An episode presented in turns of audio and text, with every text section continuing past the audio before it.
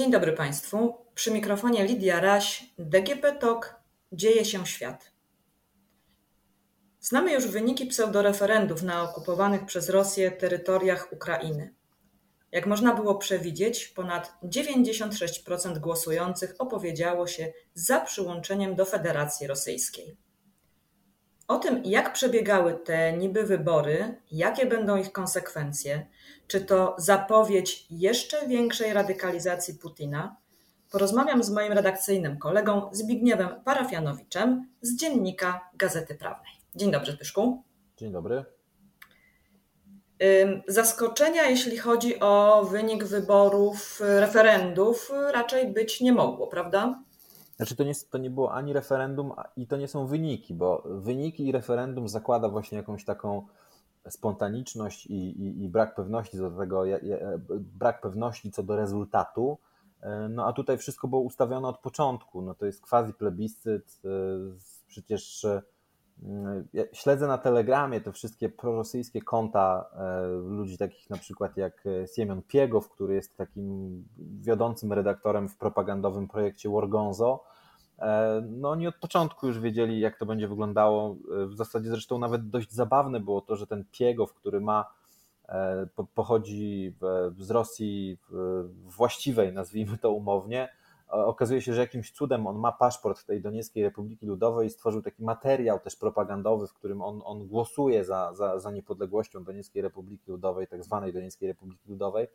Także ani referendum, ani nie wyniki, ustawka od początku do końca, dość żenująca w stalinowskim stylu. A co ta ustawka ma spowodować? No bo jej cel dla Kremla oczywiście był bardzo konkretny.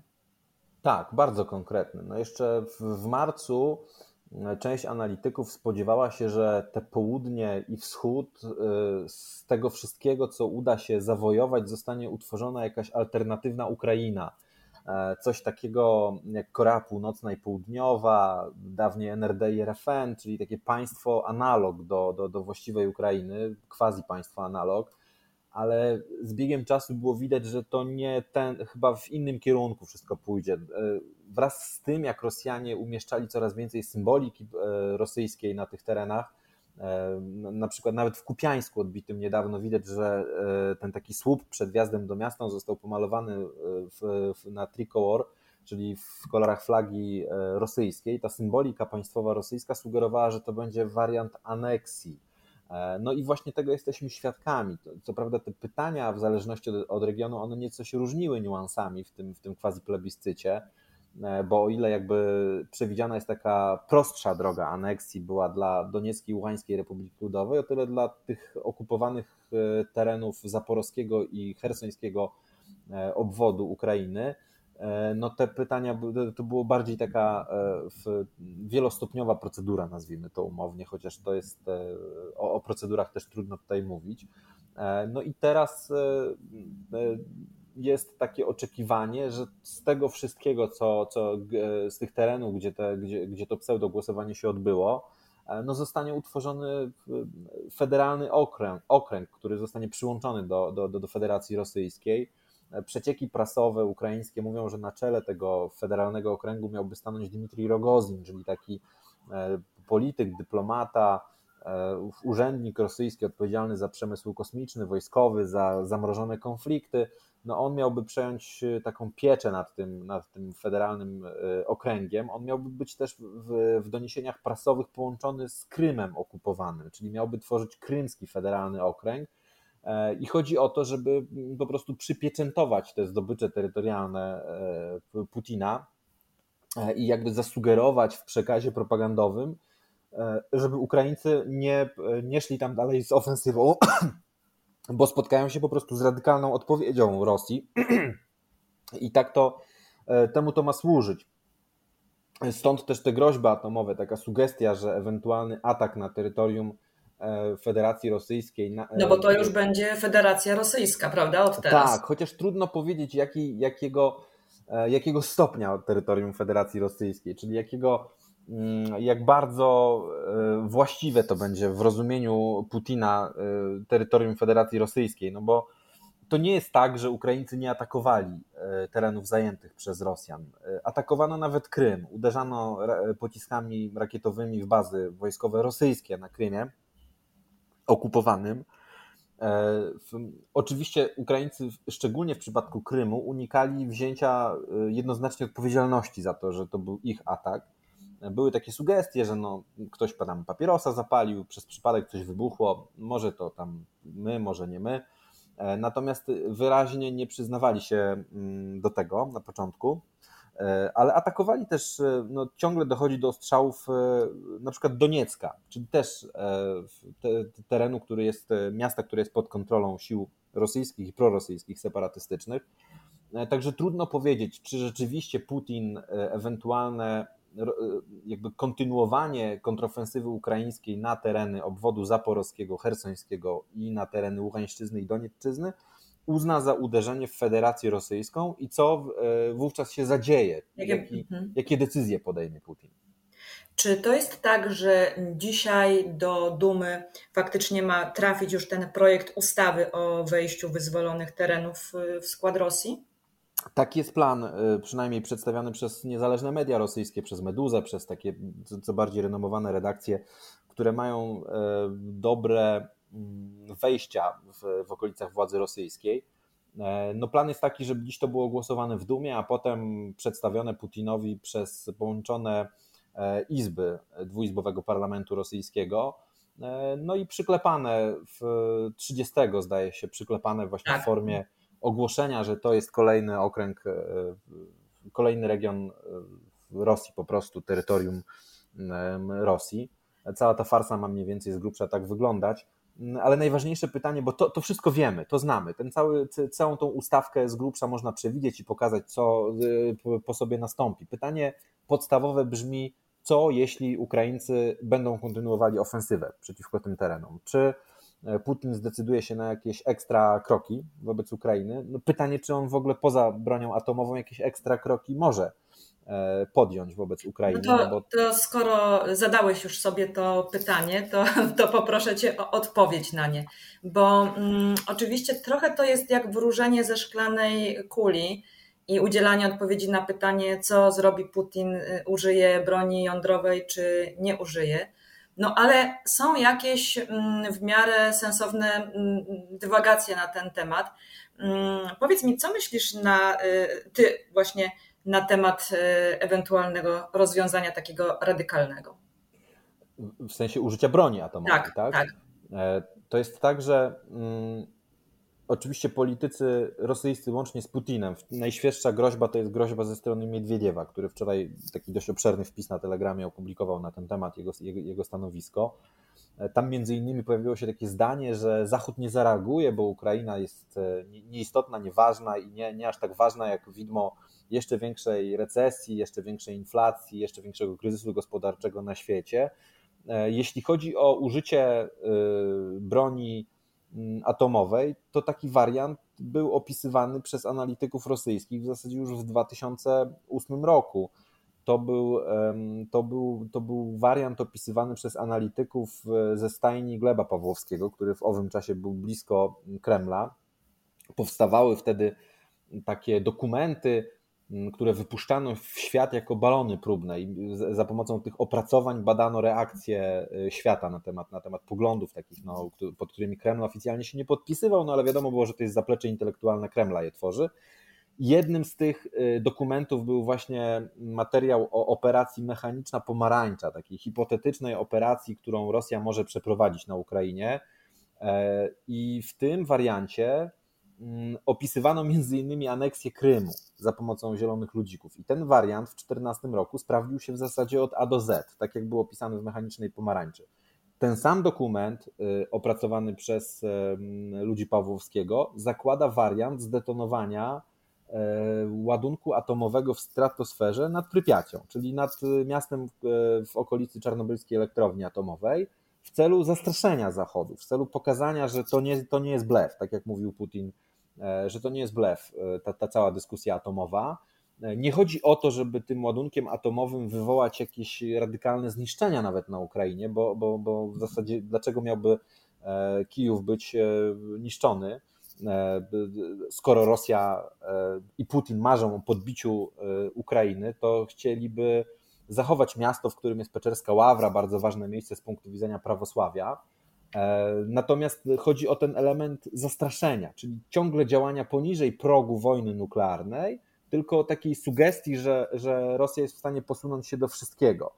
E, I e, oczywiście ten, ten, ten wariant nuklearny, no to jest jeszcze, e, ryzyko jest niewielkie, jak mówią Amerykanie. No, oni mają dość dużą wiedzę na temat tego, co się dzieje w Rosji. Mieli doskonałą wiedzę przed inwazją. Nikt nie chciał wtedy wierzyć w to, co Amerykanie przedstawiali, ale zdaje się, że ta wiedza ich pochodzi przede wszystkim od NSA, czyli krótko mówiąc, podsłuchu różnych rozmów telefonicznych przez, prowadzonych przez rosyjskich polityków, oficjeli, urzędników wojskowych E, tak, e, tak to opisywał Washington Post e, w sierpniu, sugerując, że właśnie oprócz takich źródeł agenturalnych Amerykanie po prostu podsłuchują Rosjan bardzo skutecznie.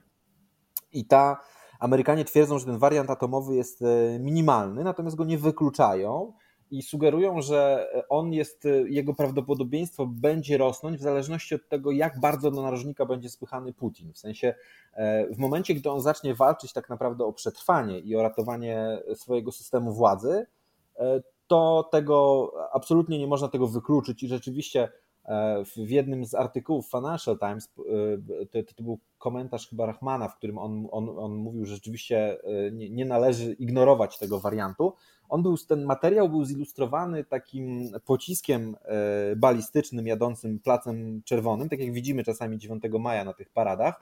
I na e, e, głowicy tego, tego pocisku była twarz Putina, tak jak jest w tych kreskówkach o tym statyjkowie, jak te, te, te, te pociągi mają takie twarze takie zamazane. I to, to, to jest właśnie była taka wyraźna sugestia też w tym tekście, że E, że nie należy od tego zupełnie abstrahować. Oczywiście na dziś, na tym etapie, to jest przede wszystkim straszenie. Chodzi o to, żeby stolice wrażliwe na te, e, na te groźby, takie jak właśnie Paryż czy Berlin, e, po prostu naciskały na Ukrainę, żeby, żeby Ukraina zaakceptowała to, co się wydarzyło na południu i na wschodzie po tych pseudoreferendach, zaakceptowała to, że nie da się tych terenów odwojować i żeby usiadła do stołu rozmów.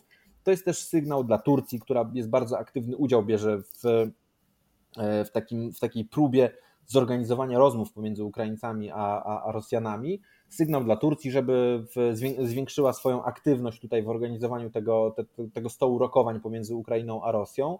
E, no bo optymalnym scenariuszem dla Putina w tym momencie, po tych kompromitacjach na Charkowszczyźnie, byłoby zamrożenie znowu na, na jakiś czas tego konfliktu, e, odbudowanie sił i uderzenie ponownie wtedy, kiedy, kiedy ten potencjał zostanie odbudowany, bo w tym momencie ten potencjał konwencjonalny on jest niewielki do tego, żeby, żeby Ukrainę nękać. Nawet przy założeniu, że mobilizacja, która przebiega fatalnie, by się udała i udałoby się zmobilizować te 300 tysięcy tak, ludzi. Tak, o, o, mobilizacji to jeszcze za mhm. moment chciałabym porozmawiać. Ty wspomniałeś o tym pość, o, o, o twicie Miedwiediewa. E, to jakby w całości układa się w taki plan zaszachowania Zachodu, trochę ty mówisz o tym zastraszeniu e, użyciem broni nuklearnej. E, Miedwiediew, który wypisuje to, co wypisuje, jakby próbował dokonywać rozłamu pomiędzy państwami Zachodu, jakiegoś ewentualnego skłócenia. Mm, jest to bardzo wyraźny rzeczywiście plan. I jeszcze a propos ewentualnego użycia broni jądrowej, mm, słuchałam wczoraj wypowiedzi politologa rosyjskiego mieszkającego od lat w Stanach Zjednoczonych, Andrija Piątkowskiego, E, I on zwraca uwagę na taką rzecz. No pamiętajmy, że e, przycisk do broni jądrowej to metafora, e, że jednak to są pewne procedury, które muszą zrealizować generałowie. No i jak mówi Piątkowski, miejmy nadzieję, że nie ma tam samych idiotów. Zgadzasz, zgadzasz się z tym? No to jest, to, to, to jest realny wariant. Przy czym też no, y, ta procedura wciśnięcia guzika atomowego w Rosji, mm, w tym o czym y, mówisz, no to jest procedura na, na, na, na scenariusz wojny atomowej w takim znaczeniu zimnowojennym. E, a tak naprawdę to, co jest opisane w tym scenariuszu mechanicznej pomarańczy, no to jest ciągle wariant z użyciem materiałów rozszczepialnych, ale poniżej. To jest ta tak progu... zwana, przepraszam, ta tak zwana taktyczna broń jądrowa? Znaczy, trudno powiedzieć to, jak, te, jak technicznie chcieliby to, to, to, to Rosjanie mhm. wykonać, no, ale, ale mimo wszystko ciągle mówimy o scenariuszach takich hybrydowych, jeśli chodzi o, o użycie materiałów rozszczepialnych no, co, co, co powoduje, że, że, to jest po prostu znacznie łatwiejsze. Ale tak, jeśli chodzi o, o przełamanie tego tabu atomowego, no to jest to, e, jest to cały schemat działań, który zakłada decyzje e, wielu racjonalnych jednak mimo wszystko ludzi, przy czym z drugiej strony tak samo mówiono przed inwazją 24 Właśnie. lutego, że to, jest, e, że to jest wszystko racjonalne, po czym każdy przechodził jakiś, jakiś takie, takie katarzis i E, dochodził do wniosku, że rzeczywiście próbowaliśmy traktować e, e, takiego no człowieka, który gra w rosyjską ruletkę, próbowaliśmy traktować racjonalnie, co było błędem. I chyba nie należy racjonalnie traktować Putina, i możliwe, że też jego otoczenia nie należy traktować racjonalnie, bo to już jest pytanie. Że to bardziej w kategoriach takiego życzeniowego myślenia. Tak, ja, ja, jest tak, że Ministerstwo Obrony, czy też ca, cała, ca, cała grupa ludzi, która miałaby podejmować ewentualną decyzję o użyciu materiałów rozszczepialnych, czy też broni nuklearnej przeciwko Ukrainie, ona funkcjonuje na zasadzie tak zwanej krugowej paruki, czyli takiej odpowiedzialności za wspólne zło, które, które wykonaliśmy. Także to nie są. E, tam trudno jest e, wśród tych osób znaleźć liberała, który by, który by spoglądał na na, na, na, wydarzenia na zasadzie takiej, że może powinniśmy odpuścić. Tam jest e, mhm. myślenie na zasadzie może powinniśmy odpuścić, to jest myślenie na zasadzie e, potrzebujemy pauzy, żeby się na chwilę zatrzymać, odbudować siły i uderzyć ponownie, a nie na zasadzie takiej, że no w sumie pomyliliśmy się. Zrozumieliśmy Ukraina, błąd. Mhm. Tak, Ukraina jako państwo rzeczywiście zupełnie sprawnie funkcjonuje, przynajmniej w wymiarze wojskowym, mhm. co udowodnili na polu walki. Cofnijmy się, bo to jest e, zła droga. Nie, tam nadal jest te, te takie kolonialne myślenie, y, to jest wojna postkolonialna tak naprawdę. Rosjanie próbują przyłączyć ten dawny mózg Sojuza z powrotem do, do, do siebie. E, I oni, oni nie myślą o takim o odwrocie całkowitym, o rezygnacji. To, to jest właśnie w tym wszystkim najbardziej niebezpieczne, że Rosjanie nie myślą o rezygnacji z Ukrainy. Ten, ten pogląd y, y, nie funkcjonuje w elitach rosyjskich. To jest raczej właśnie chęć E, włączenia pewnej pauzy strategicznej na moment, żeby odpocząć i uderzyć za chwilę. A czemu służy w takim razie ta mobilizacja, która ma miejsce od kilku dni? Mm, dzisiaj czytałam depeszę, w której informuje się o tym, że e, Sztab Generalny Sił Zbrojnych Ukrainy poinformował, że na tereny okupowane już przyjeżdżają pierwsi zmobilizowani. E, no to oni są po tygodniowym szkoleniu, pięciodniowym szkoleniu? Tak, no to, to jest tak, że Rosjanie zakładają, że skoro e, ci mężczyźni kiedyś byli w siłach zbrojnych, no to potrafią strzelać, potrafią funkcjonować przy założeniu dyscypliny wojskowej. Tylko, że no to założenie może być błędne, bo e, albo w zasadzie jest błędne, no bo jeżeli Ukraińcom udało się przetrzebić szeregi elitarnych jednostek, takich jak pierwsza gwardyjska armia pancerna, to dlaczego nie mieliby sobie poradzić z, ar z armią silnych batalionów, jak nazywają e, wojsko z poboru Ukraińcy?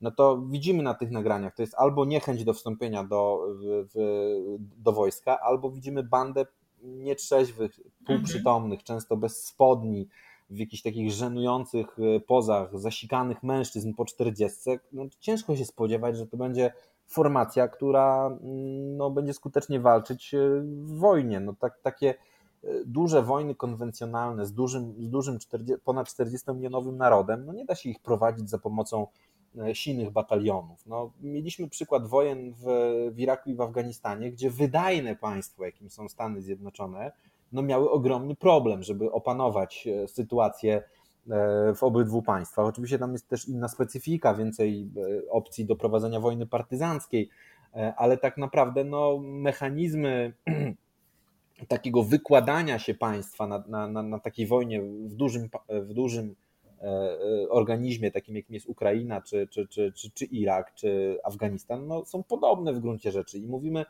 o, e, o państwie, tak naprawdę mówimy o Rosji, która wydajnym państwem nie jest. To jest, e, to jest kartonowe supermocarstwo, A kartonowe imperium.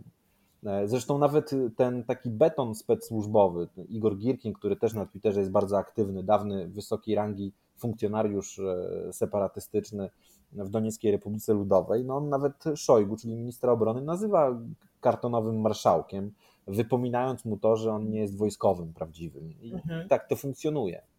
A powiedz mi, mm, bo sporo pojawiło się y, nagrań dokumentujących tę dziwną mobilizację. Mm, I co ciekawe, przynajmniej dla mnie, mm, być może to są sprawy oczywiste, ale ta mobilizacja dotyka takie bardzo odległe republiki. Y, Jakucja, Dagestan. Jaki jest cel, żeby to właśnie stamtąd, nie wiem, w pierwszej kolejności rekrutować tych y, żołnierzy? Nie no, cel jest jasny i to oczywiście Putin tego nie powie wprost, ale chodzi o to, żeby e, jest mocno rasistowski i antropologiczny. Chodzi o to, żeby z mięsem armatnim nie był biały Rosjanin z Petersburga czy z Moskwy. To A to jest, jest prawda, że z Moskwy ma być wciągniętych do armii jedynie 16 tysięcy? Tego nie wiem. No nie, ja nie jestem w stanie takich precyzyjnych mhm. informacji potwierdzić. Natomiast to, że e, Rosją nie da się rządzić bez e, spokoju w stolicy, czy też w dwóch dużych, podstawowych dwóch dużych miastach, tak jak Petersburg czy, czy, czy Moskwa.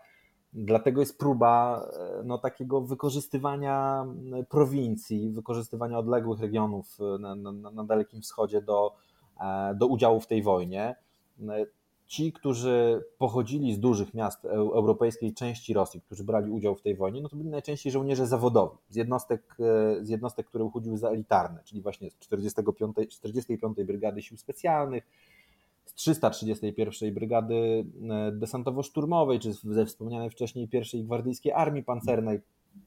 E, to, są, to, są, to, to jest taka no, zeuropeizowana część sił zbrojnych, no ale te, te, jednostki też zostały wyszczerbione na, na, na, na, Ukrainie. Teraz chodzi o to po prostu, żeby zalać front e, na Ukrainie masą ludzką, masą żołnierzy, masą e, mielonki, zresztą jak sami wojskowi rosyjscy, ale też Ukraińcy nazywają to mielonką, tą całą jakby grupę ludzi, która bierze udział, w, jest mobilizowana do, do, do wojny zalać ten front i po prostu spróbować masą przytłoczyć Ukraińców. Co też no nie można e, abstrahować od takiej siły jak 300 tysięcy e, chłopa, które jest wysyłane na wojnę. E, nie, wa nie warto tego Albo milion dwieście, jak mówią no właśnie, niektórzy. Albo milion dwieście. To są ogromne, ogromne liczby. Natomiast no, w tym planie mobilizacyjnym bardzo wyraźnie widać ten taki rasistowski podtekst tego wszystkiego. A czy zgodziłbyś się? Powiedz, jeszcze tylko dodam, tak. jest absolutnie jest i antysemitą, to było widać jak, jak układał stosunki z oligarchami e, i jak często pozwalał sobie na różne antysemickie komentarze i jest rasistą, co widać po, po y, obecnym modelu mobilizacji, który, który prowadzi z, no, z użyciem e, na, narodowości, których po prostu nie poważa, krótko mówiąc. A zgodziłbyś się z przywoływanym już dziś przeze mnie Piątkowskim, że historia się lubi powtarzać i to, co się wydarzyło w 916 roku po ukazie cara Mikołaja II mogłoby mieć teraz rację bytu?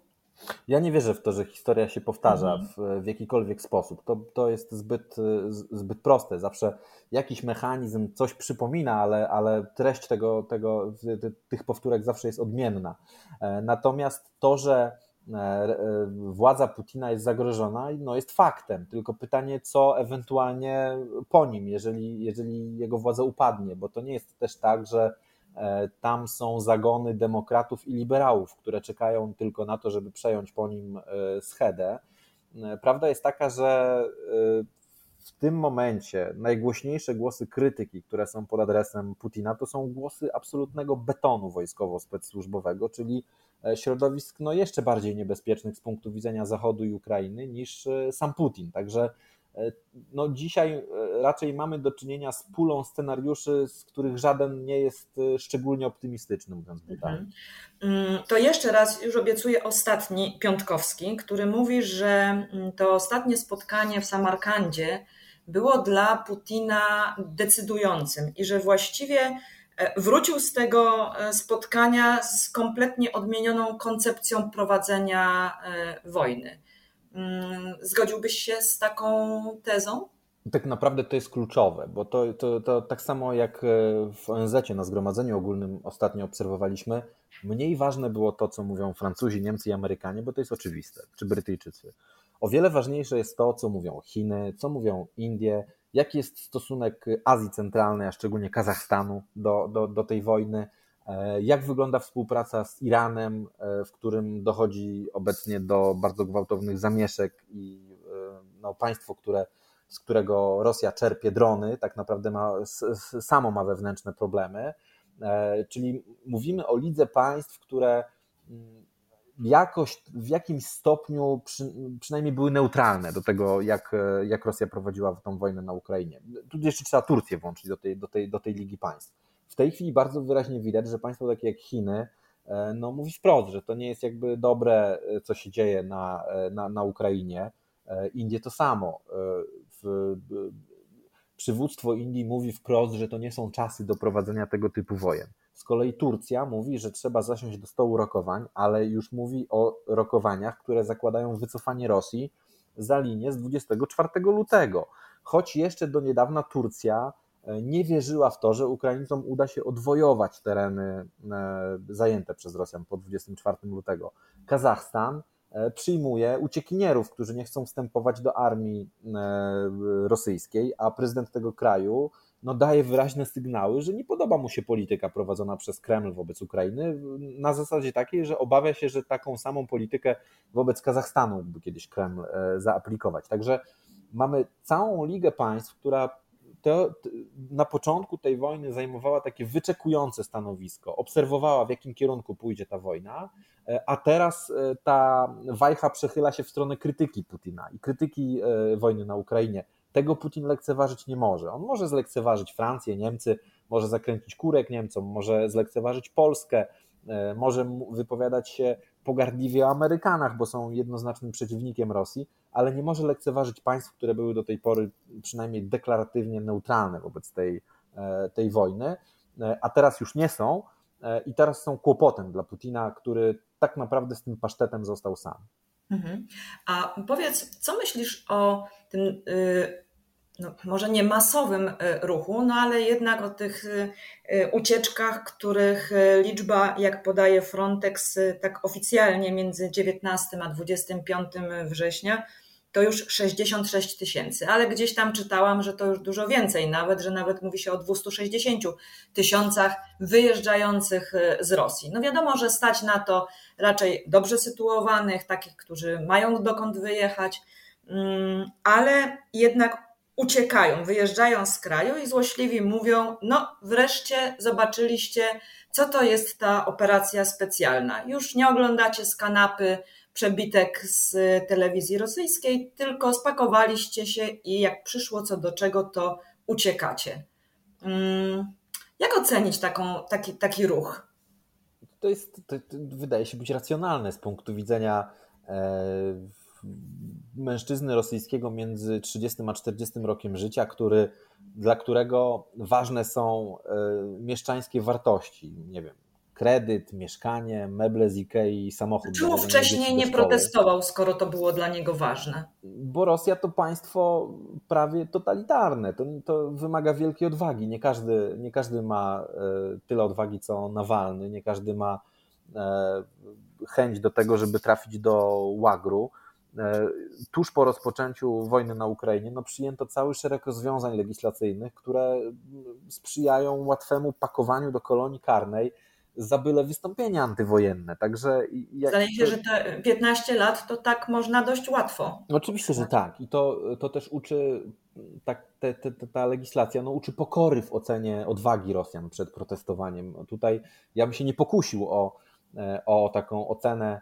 Mm, takiego potencjału łatwy, łatwy de, demonstracyjnego, tak, w, Rosjan, którzy, którzy, którzy siedzieli cicho, choć wierzę gdzieś tam wewnętrznie w to, że, że ta wojna przynajmniej na początku rzeczywiście miała bardzo wysoki stopień legitymizacji w społeczeństwie i dopiero w momencie, gdy trzeba było przymierzyć tą trumnę samemu, zaprojektować swoją śmierć na Ukrainie, to dopiero wtedy ona stała się problemem. I to, to widzimy teraz na granicach z Gruzją, z Kazachstanem, z Mongolią, z Finlandią, E, widać było po ruchu do Zjednoczonych Emiratów Arabskich, do Turcji lotniczym, Nowa Gazeta pisała o 260 tysiącach osób, które uciekły już z Rosji przed bramką. Możliwe, że te liczby są zawyżone, no ale jeżeli są prawdziwe, a E, Nowa Gazeta powoływała się na swoje źródła w FSB, czyli te źródła, które raportują Putinowi o tym, jak ta branka przebiega, e, no to jest raptem o 40 tysięcy mniej niż oficjalny cel mobilizacyjny. Także to są ogromne liczby, to, te, te, które pojawiają się w obiegu medialnym. E, I to jest też ogromny problem dla Putina, ogromne wyzwanie logistyczne dla państwa rosyjskiego no bo okazuje się, zresztą też nie bez powodu Putin tak późno zdecydował się na, na, na, na tak zwaną częściową mobilizację. No, gdzieś tam zdawał sobie sprawy, sprawę, jego otoczenie zdawało sobie sprawę z tego, że politycznie no to jest bomba, która, która zaszkodzi mu jako, jako prezydentowi i mimo tego, że to nie jest państwo demokratyczne, gdzieś tam zbliżające się do takiego modelu stalinowskiego, to mimo wszystko obowiązuje w nim jakaś przynajmniej minimalna umowa społeczna. Minimalna umowa społeczna, która polega na tym, że on tą wojnę na Ukrainie dowozi, ale bez wysyłania mm, dziesiątek młodych e, mężczyzn na rzeź po prostu na, na, na Ukrainę. No on tej umowy nie dotrzymał e, i będzie musiał pewnie ponieść jakieś konsekwencje z tym związane. Mówisz, że y, to nie pokusiłbyś się o taką łatwą ocenę decyzji tych wyjeżdżających z kraju ludzi. Ja się też zastanawiam, na ile to jest też konsekwencja gdzieś takiego pokutującego w DNA tego Homo Sovieticus, który generalnie trochę nie wierzy chyba w to, że państwo da się pokonać, że, że, że ma się możliwość, na przykład dzięki demonstracjom, zmianę sytuacji. To, to jakoś tak mi się kojarzy z tą historią opisywaną przez Swietłanę Aleksiejewicz w, w czasach second handu, że, że jak się wyrasta w tym kulcie wojny, jak, Ale... się, jak się wyrasta w tym przekonaniu, że nie dobre życie jest ważne, tylko właśnie jakieś takie poświęcenie, naród się liczy, a nie jednostka, to, to, to, to, to, to poczucie braku sprawczości gdzieś tam no, narasta po prostu. Jest to, ja się z tym nie zgodzę zupełnie. Mhm. To jest, to jest, e, mam wrażenie, że to są hipotezy kompletnie nieaktualne. One gdzieś tam mhm. były realne w latach 90., ale ja sprawdzałem, badałem wiek e, żołnierzy, e, ustalone dane na temat wieku żołnierzy, którzy brali udział w rzezi w Buczy. To, by, to byli mężczyźni urodzeni w 95 roku, czyli oni jak Putin dochodził do władzy, to oni mieli 5 lat. Oni nie pamiętają nawet Jelcyna, smuty, smuty jelcynowskiej. Znają tylko jednego prezydenta, który gdzieś tam przez chwilę został wymieniony na figuranta Miedwiediewa. To są ludzie, którzy są pokoleniem e, mediów społecznościowych, w kontakcie, e, TikToka, e, smartfona, ludzie, którzy tej Sowiecji po prostu nie pamiętają. No jak ja rozmawiam z osobami 40-letnimi, e, w, rozmawiałem, bo w zasadzie te kontakty gdzieś tam się pourywały po stronie, po stronie rosyjskiej, no to to byli ludzie, którzy pamiętali, e, ludzie z mojego pokolenia pamiętało, że rodzicom płaciło się na przykład w wódce w latach 90., bo była smuta jelcynowska, ale ten, ci żołnierze którzy brali udział w, w, w, zabijaniu e, ludzi w Buczy, no to mówię, no w 2000 roku, kiedy Putin przychodził do władzy, miało po 5 lat tak naprawdę. Także ta, ta Sowiecja, on, no on może być w jakiś sposób przekazywana, taka tradycja e, obojętności przez rodziców e, dzieciom, ale oni jako, jako oni Sowiecji, krótko mówiąc, nie pamiętają. Także na to trzeba też spojrzeć z tej perspektywy, z takiej trochę mhm. E, jakby uaktualniającej tak naprawdę dane demograficzne uczestników e, tych, tych, tych lemmingów Putina, którzy biorą udział w tej wojnie. To już na koniec e, takie pytanie. Wspominałeś Nawalnego kilka minut wcześniej i mm, powiedz proszę, bo Rosjanie nie protestują już ustaliliśmy, że boją się, że jednak e, groźba łagrów jest bardzo realna. Ale czy w ogóle, no żeby protestować, trzeba mieć jakiegoś koordynatora, który coś zorganizuje, zaproponuje. Mm, czy jest na scenie ktoś taki, kto przyjąłby na siebie podobną rolę? E, I czy na przykład nie jest to, e, może nie bezpośrednio Nawalny, ale Nawalny przez swoich ludzi na wolności? Trudno, trudno w ogóle powiedzieć o, o to, czy Nawalny tutaj z punktu widzenia Zachodu też jest do, do, dobrym kandydatem na lidera protestów w Rosji, bo też to jest, no, on jest zwolennikiem aneksji Krymu i, i zasadniczo tą taką e, imperialną politykę Putina popierał. E, no, oczywiście należy mu się szacunek za odwagę i, i, i męstwo i narażenie na, na, na represję ze strony Putina, Ale odwróćmy też trochę tutaj tą, tą kwestię. Czy protesty w czasach TikToka i mediów społecznościowych potrzebują liderów? To jest, to jest pytanie. Już Majdan w 2014 roku dopóki nie okrzepł, tak naprawdę był e, utrzymywany bez wyraźnego przywództwa politycznego, a wręcz te e, grupy, które protestowały na Majdanie w 2014 roku, dystansowały się od polityków, którzy pojawiali się na scenie, e, bo był to projekt tak naprawdę głębokiej wymiany elit w państwie. Podobnie było w czasie arabskiej wiosny. To też jest tak, że media społecznościowe, które wtedy gdzieś tam raczkowały tak naprawdę, no były katalizatorem tego, że ten lider e, nie był konieczny. Także to też nie jest dogmat, że, że zmiana wymaga bardzo jednoznacznego przywództwa i, w, i, i, i, lidera z nazwiskiem, kogoś o określonych poglądach, kogoś, kogo ludność kojarzy. E, w, w dużej mierze dynamikę zmian politycznych, ale też logikę wojny e, zmieniła, zmienił współczesny sposób komunikowania się pomiędzy ludźmi. Mhm. Ta, ta szybkość komunikatu, który dociera do ludzi, powoduje, że E, że, że trzeba trochę inaczej myśleć o tych zmianach, zmianach politycznych, czy też o wojnach. No bo też nawet na wojnie na Ukrainie widzimy, jak ogromną rolę odgrywają te obrazy, które no, Strona ukraińska, jeśli chodzi o komunikację, wygrywa w, tak, zdecydowanie. Zdecydowanie. Wystarczy porównać te konta, tak. które są proukraińskie, związane z wojskiem czy ze służbami ukraińskimi i prorosyjskie, po ilości filmów, które pojawiają się na dobę, krótkich filmików wrzucanych na dobę. Ukraińcy są tutaj mistrzami pod tym względem. No niemniej jednak my jako odbiorcy tej wojny, no też ulegamy tej takiej e, gamifikacji tej wojny, czyli takiego podejścia, że oglądamy sobie na przykład jak bomba leci, e, pocisk leci z drona e, i wpada do wieży czołgu T-72. Także to przy takim dogmatycznym podejściu do pojęcia wojny czy zmiany politycznej, protestów, re, re, rewolt, rewolucji, buntów, no wa warto chyba uwzględnić tą ogromną zmianę w systemie komunikowania i szybkości docierania informacji do ludzi. To w takim razie już próbowałam szukać jakiegoś rozwiązania. Mówisz, że nie generałowie, nie protesty, e, nie koordynator, to właściwie co mogłoby spowodować, że dojdzie do jakiejś zmiany? Moja odpowiedź jest prosta. Nie mam zielonego pojęcia. I myślę chyba, że to jest najbardziej uczciwa odpowiedź, zamiast y, produkować kolejne scenariusze bez pokrycia. Tak, no to w takim jest, razie. To jest tak złożony, złożona kwestia, nie, nie, jakby mhm. poza e, Amerykanami, którzy najpewniej mają tak zwanych ucholi gdzieś tam w okolicach Putina, niewielu na świecie wie, co w tym systemie władzy e, w, działa, jak to zachodzi. Możemy być pewni tylko jednego, że Putin oderwał się od rzeczywistości i żyje w bańce własnej propagandy, mimo tego, że ta bańka propagandy pękła nawet w obrębie twardogłowych zwolenników Putina.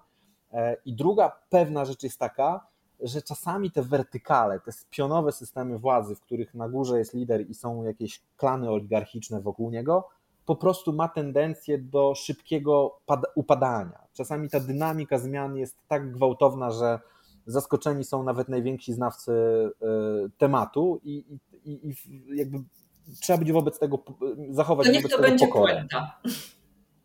To niech to będzie puenta. Bardzo Ci dziękuję za rozmowę.